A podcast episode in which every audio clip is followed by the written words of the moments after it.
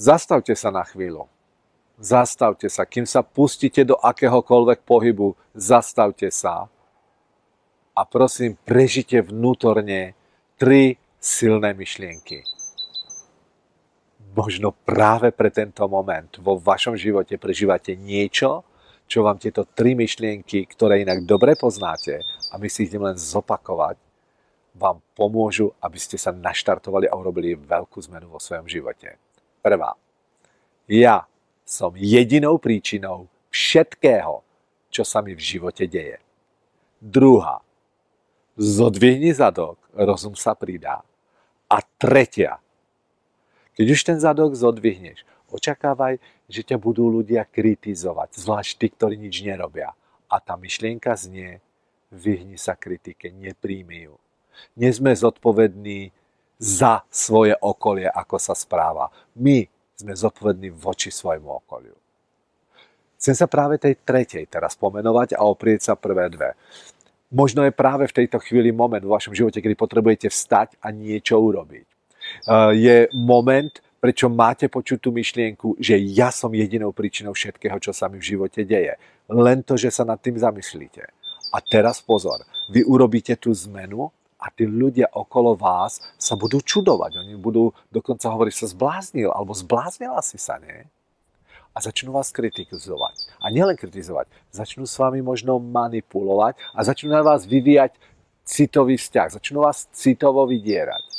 A ak prežívate takúto chvíľu teraz, k okolí, v blízkom, v práci, pri vyjednávaní, možno s vašimi deťmi, tak si uvedomte ešte raz. Nie ste zodpovední za to, ako sa vaše okolie voči vám správa, ste zodpovední voči ním, ale ste zodpovední za svoje, svoje vlastné správanie, nie za správanie iných. A ak teraz budem veľmi ostrý a prísny, tak vám niečo poviem. Ak používate výraz on so mnou manipuluje, on ma citovo vydiera, tak vám chcem povedať jednu vec.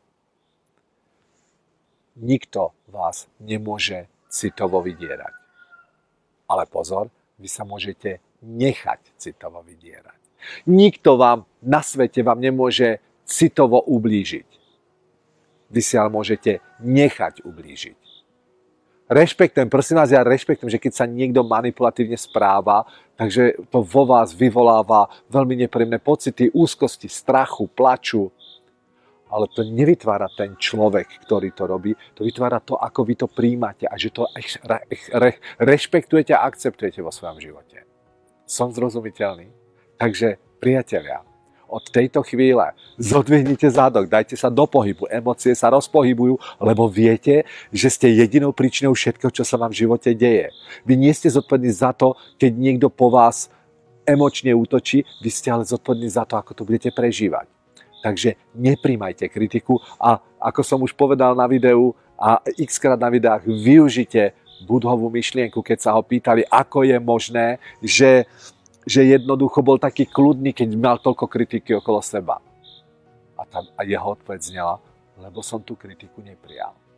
Držím vám palce, aby ste vykročili s hrdovstričenou hlavou a nech ste na akúkoľvek normu pripravení alebo nepripravení, niečo spravte. A prestaňte sa báť robiť chyby a začnite okolo seba vytvárať tzv. mentálne pole ktoré, keď príde kritika na vás, tak sa takto sklzne a vám sa ľahko v tom poli takto tomu uhne, ako taký Matrix.